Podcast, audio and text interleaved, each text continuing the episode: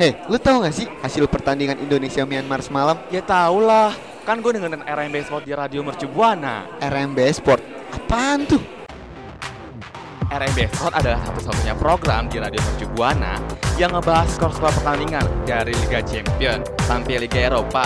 Dan gak cuma itu aja nih, di RMB Sport semua olahraga dari yang unik, yang aneh sampai yang konyol pun dibahas di sini. Oh gitu ya. Tuh gue mau dengerin RMB Sport aja deh. Pengen tahu olahraga-olahraga unik di dunia? Dengerin aja Rembe Sport setiap hari Jumat dari jam 2 siang sampai jam 4 sore hanya di Radio Mercu Buana Station for Creative Student.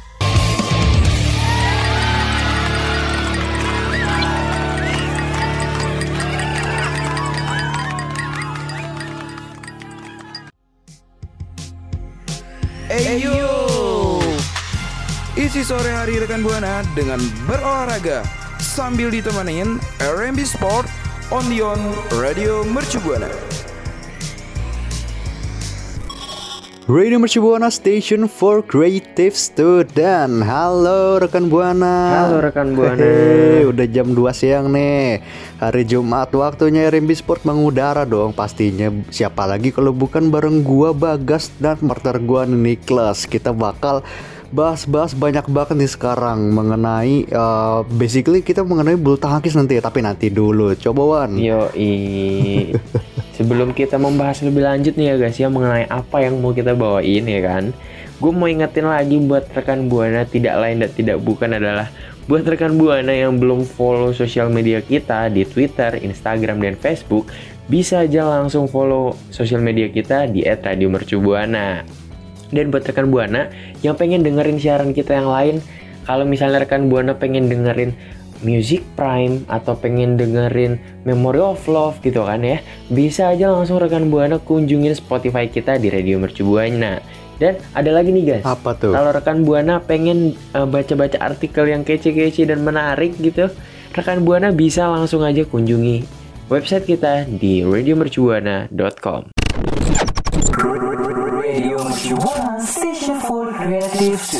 Alright rekan buana di informasi pertama ada kabar eh, apa ya menyenangkan sekaligus kabar agak menyedihkan sedikit nih karena Hei. turnamen bulu tangkis internasional digelar di Bali.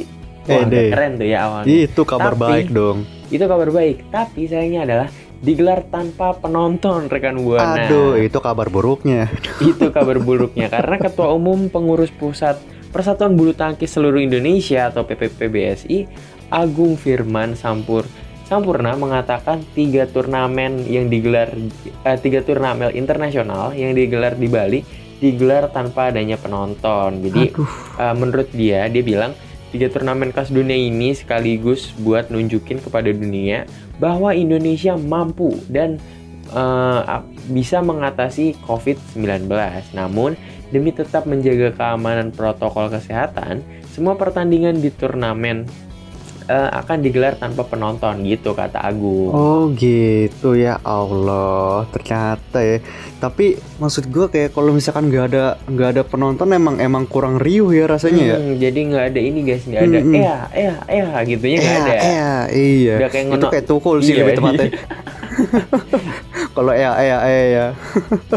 Tapi ini para pecinta bulu tangkis di tanah air dapat menyaksikan pertandingan kelas dunia ajang Daihatsu Indonesia Master 2021 dan Sim Invest Indonesia Open 2021 melalui siaran langsung di televisi. Iya, jadi meskipun nggak ada penonton ya, tapi kita tetap masih bisa ngerasain euforianya dari rumah masing-masing ya. Iya, betul banget. Eh, ayahnya bisa di depan Iya, TV di depan aja nggak masalah. Kecuali kalau misalnya lu udah diomelin sama mamah tuh ya, baru tuh. iya, ya mama, eh ya mulu, eh ya mulu, ngapain? Dan juga selainnya tadi Da- Daihatsu Indonesia Master 2021 dan Sim Mhm. Invest Indonesia Open 2021, kejuaraan BWF World Tour Finals juga akan disiarkan lewat televisi, kata eh, Humas PBSI yaitu Broto Happy Wondo Miss Nowo. Wih, dan deh itu Indonesia Master 2021 BFW World Tour Super nih guys, udah World Tour Wih. Super lagi kan. Buset, Berhadiah panjang banget ya namanya ya. Iya. Dan eh, lomba ini ya, kejuaraan ini tuh berhadiah total kira-kira sekitar 600.000 ribu US dollar. Wow. hu, dan banyak akan banget tuh. digelar di tanggal 16 sampai 21 November besok nih tanggal tahun 2021. Wih, itu kira-kira 600 ribu dolar ya guys ya. Kalau misalnya Ah. dibeliin tahu bulat dapat berapa banyak tuh guys? Aduh, aduh tahu bulat kayaknya emang udah sama distributor ya sekalian ya. Udah dibeli kali pabriknya tuh ya. Semuanya itu tahu bulat di Bintaro udah ke kebeli semua itu. Aduh. Tapi kalau itu kan tadi Daihatsu Indonesia Masters nih. Mhm. Kalau misalkan SIM Invest berapa sih hadiahnya? Wih, oh iya ada juga nih ya selain tadi tuh Daihatsu Indonesian Hmm, hmm. Masters tuh ya. Ada juga Sim Invest Indonesian Open 2021 BFW World Tour Super 100 guys yang berhadiah 1000. total 850 ribu US dollar. Wow. Lebih banyak banget itu mah. Aduh, aduh, aduh. Dan ini juga dicanangkan akan diadakan di tanggal 23 sampai 28 November tahun 2021. Wah, guys. 850 US dollar, guys. Bukan ribu. Gokil. Iya, ini mau eh, eh ribu Oh dong. iya, maksudnya bukan rupiah nih, bukan rupiah. Kaget. 850 perak doang. Ini kalau ini apa ya? Mau beli tahu bulat lagi apa gimana? Enggak, ini lebih lebih ke beli cireng sih ya. Aduh. Oh, Cireng cir- 850. cireng, cireng lebih mahal ya. Iya, 850 ribu US dollar tuh buat beli cireng kira-kira ya bisa lah ngasih makan satu kelurahan kali ya. Ay, satu kelurahan itu mah satu provinsi kali. Aduh mungkin ya mungkin. Lebih-lebih. Tapi ada yang lebih banyak lagi nih. Tadi kan eh, kalau Daihatsu Indonesia Masters 2021 tuh 600 ribu dolar ya kan. Hmm. Terus kalau SIM Invest Indonesia Open 2021 itu 850 ribu US dollar. Mhm. Ada nih yang ya apa eh, semua itu tuh bakal ditutup sama nanti BWF World, World Tour Finals. Hadiahnya lebih gede lagi. Wih, Ya berapa tuh? Sekitar 1,5 U juta US dollar. Oh, wow. Itu dan bakal digelar dari tanggal 1 sampai 5 Desember 2021 berarti Wah. masih bulan depan nih. Kalau kalau kira-kira 1,5 juta US dollar kalau dirupiahin nolnya berapa ya guys ya? Wah nolnya eh, bejibun ya pastinya. Gue lagi males ngitung nih masalah ini habis makan siang gue nggak enak lah. Wah banyak banget ya. Oke, semoga nih rekan buana ini acara bisa berjalan dengan lancar dan juga Hmm. bisa menghasilkan prestasi-prestasi yang pastinya bisa membanggakan Amin. untuk masing-masing eh, negara yang ikutan nih guys. Amin banget nih. Nah, buat rekan buana mungkin nih, eh, mungkin kalau misalkan nonton di apa ya, nonton lewat televisi tuh euf- euforianya terasa kurang ya karena nggak bisa ea-ea. Mungkin nih rekan buana bisa bisa langsung aja nih ea-ea di Twitter ya enggak. Ea-ea terus coba kasih komentar nih selama nanti eh, pertandingannya berlangsung dengan cara mention ke Twitter kita di @radiomercubuana dengan hashtagnya jangan lupa RMB Sport. Radio Mercu Buana Station for Creative Student. Oke rekan buana, nggak hanya bulu tangkis, Indonesia juga unggulan di dunia di cabang olahraga panjat tebing. Ais. Yang kita ini ya yang kita tahu ya guys ya, Indonesia tuh prestasinya kebanyakan bulu tangkis. Iya sih emang. Terus habis itu hmm, Bulu tangkis. bola ya kan. Aduh, Iya. enggak dong. Masih bulu tangkis lagi. Tapi kan emang bulu tangkis mulu. Ya jujur Oh, aja kan lah. Yang, la- yang lain juga kan. Iya, juga. iya Ada sih. sepak bola, eh, basket dan lain-lain. Mm-mm. Cuman ternyata ada lagi nih guys cabang olahraga yaitu panjat tebing. Jadi panjat tebing ini eh, juga menjadi salah satu cabang olahraga yang membuat Indonesia makin dikenal di dunia guys. Ih sih ya betul banget nih. Dan eh, hal ini nih juga diakui langsung oleh Presiden Federasi Sport Climbing Internasional atau IFSC yakni Marco Skolaris saat bertemu Ketua NOC Indonesia yaitu Raja Sabta Oktohari di negara Italia. Wih, keren. Kira-kira mereka ketemuan sambil makan pizza nggak tuh? ya? Aduh, jangan-jangan makan tahu bulat tadi. Aduh, jauh-jauh Balik lagi. ke Italia makan tahu bulat. Hasil hasil ada bulu tangkis buat ini ketemu di panjat tebing.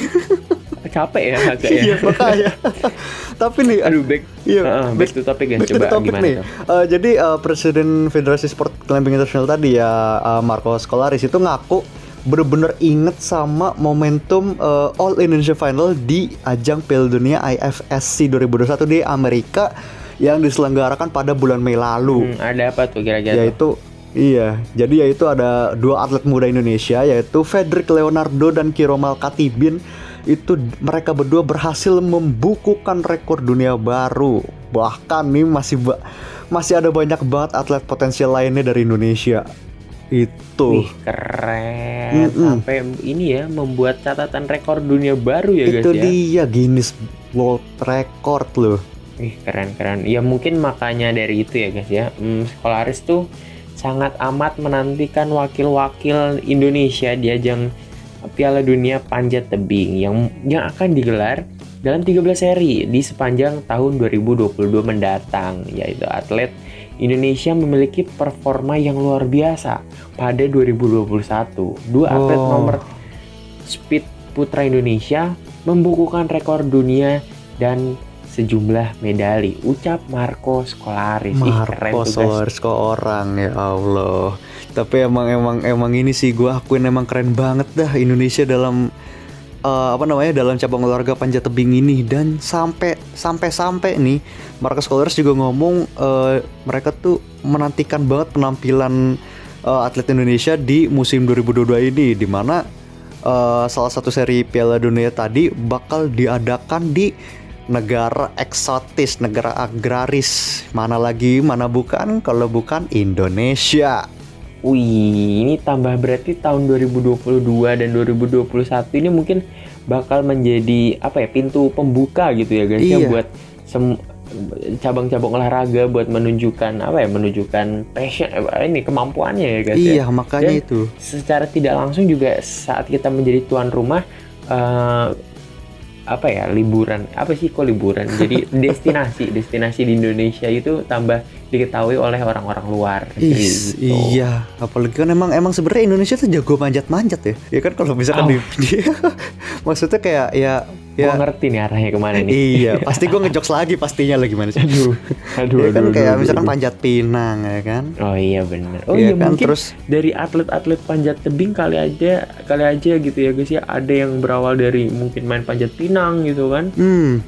Iya. tiba-tiba wah aku seperti punya passion di sini lalu mereka Passion. Iya dong, lalu mereka berlatih panjat tebing dan menjadi atlet yang profesional. Mungkin uh, kali aja guys, ada yang seperti itu guys. Iya sih. Sebenarnya potensi-potensi itu ada di anak-anak sekolah sih menurut gua. Aduh kenapa Nicholas. tuh? Tapi kar- karena kan anak-anak sekolah kan kalau bolos kan manjat dinding. ya kan deh. Itu itu termasuk saya.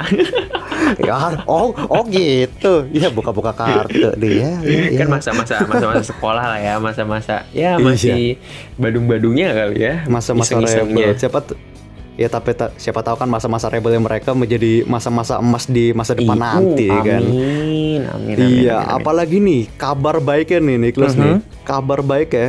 Panjat tebing itu bakal jadi cabang olahraga yang dipertandingkan di Olimpiade Paris 2024 mendatang. Enggak sih, coba nih lu bayangin. Olimpiade Paris 2024 udah ngejadiin eh, panjat tebing tuh sebagai cabang olahraga resmi gitu loh. Wih, keren. Iya, jadi Berarti dari situ ah, tuh ini ini mah kalau atlet Indonesia ya guys ya, Hmm. tinggal set set set, wih menang, Ih, wih kita iya. doain yang terbaik aja lah ya pastinya ya guys ya. Pastinya dong, pastinya pasti ya. Nih mungkin nih buat rekan buana ada eh, dari rekan buana mungkin ada ya eh, atlet-atlet panjat tebing tem- apa eh, jebolan SMA ya.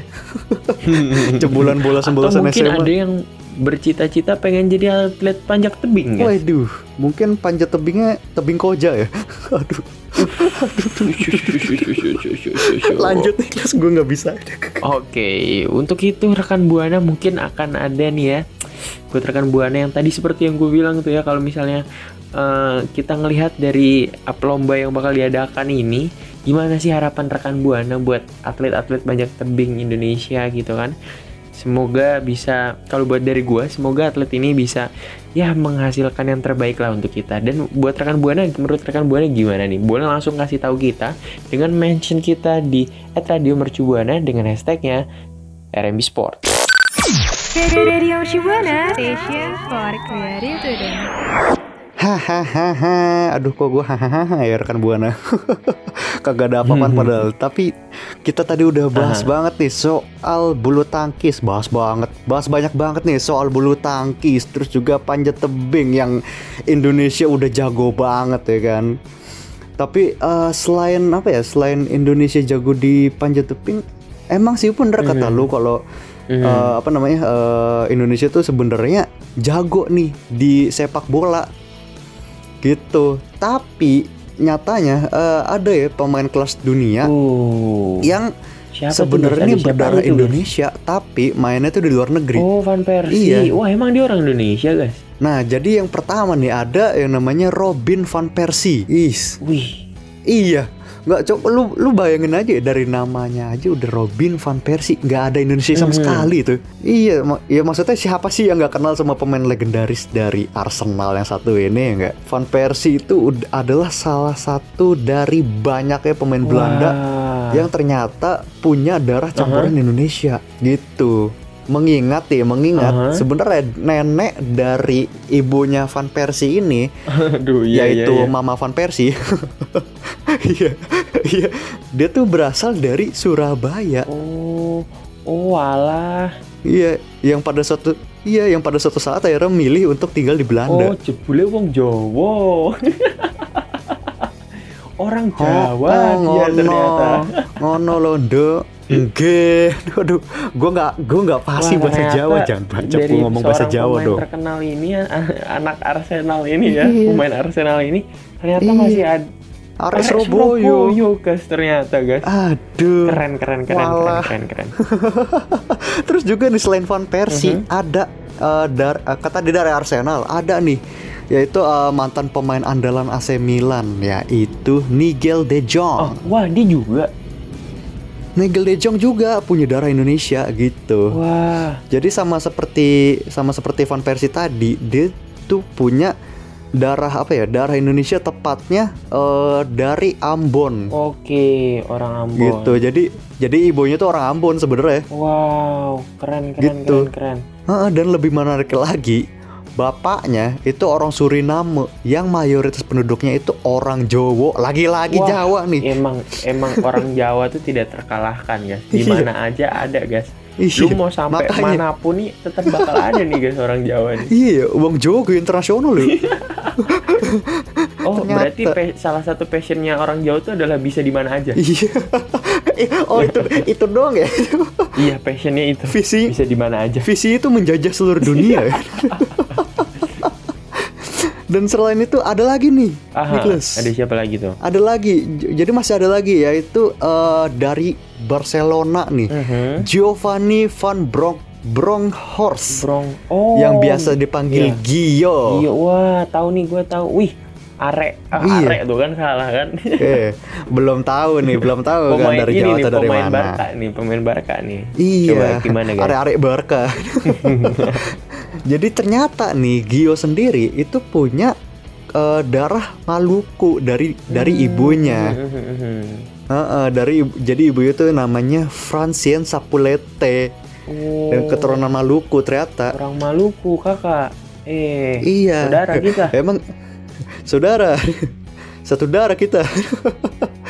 Dan juga eh, eh, apa ya salah satu pesepak bola top dunia pada zamannya itu Mhm. lebih memilih The Orange, The Orange, julukan timnas Belanda Mhm. dan juga menjadi salah satu pemain andalan dari negeri kincir angin. Oh, berarti Iya, jadi se- iya sebenarnya tuh mereka bisa bela timnas Indonesia ya. eh, bisa karena mu- mereka Mm-mm. punya darah eh, keturunan Indonesia guys Iya. ya. Jadi bisa seharusnya. Iya makanya itu dia dan ada lagi nih gue gue pengen percepat aja nih ada Raja Nainggolan dari namanya aja Nainggolan Oh ya, kalau ini gue tahu nih kalau iya kalau ini gue udah tahu nih iya Raja Nainggolan ini. oh, Jadi ini ini gue jelasin. Boleh, boleh, boleh, boleh, boleh, boleh, nih, boleh, ya. Jadi gue gantian ya sama lo nih ya.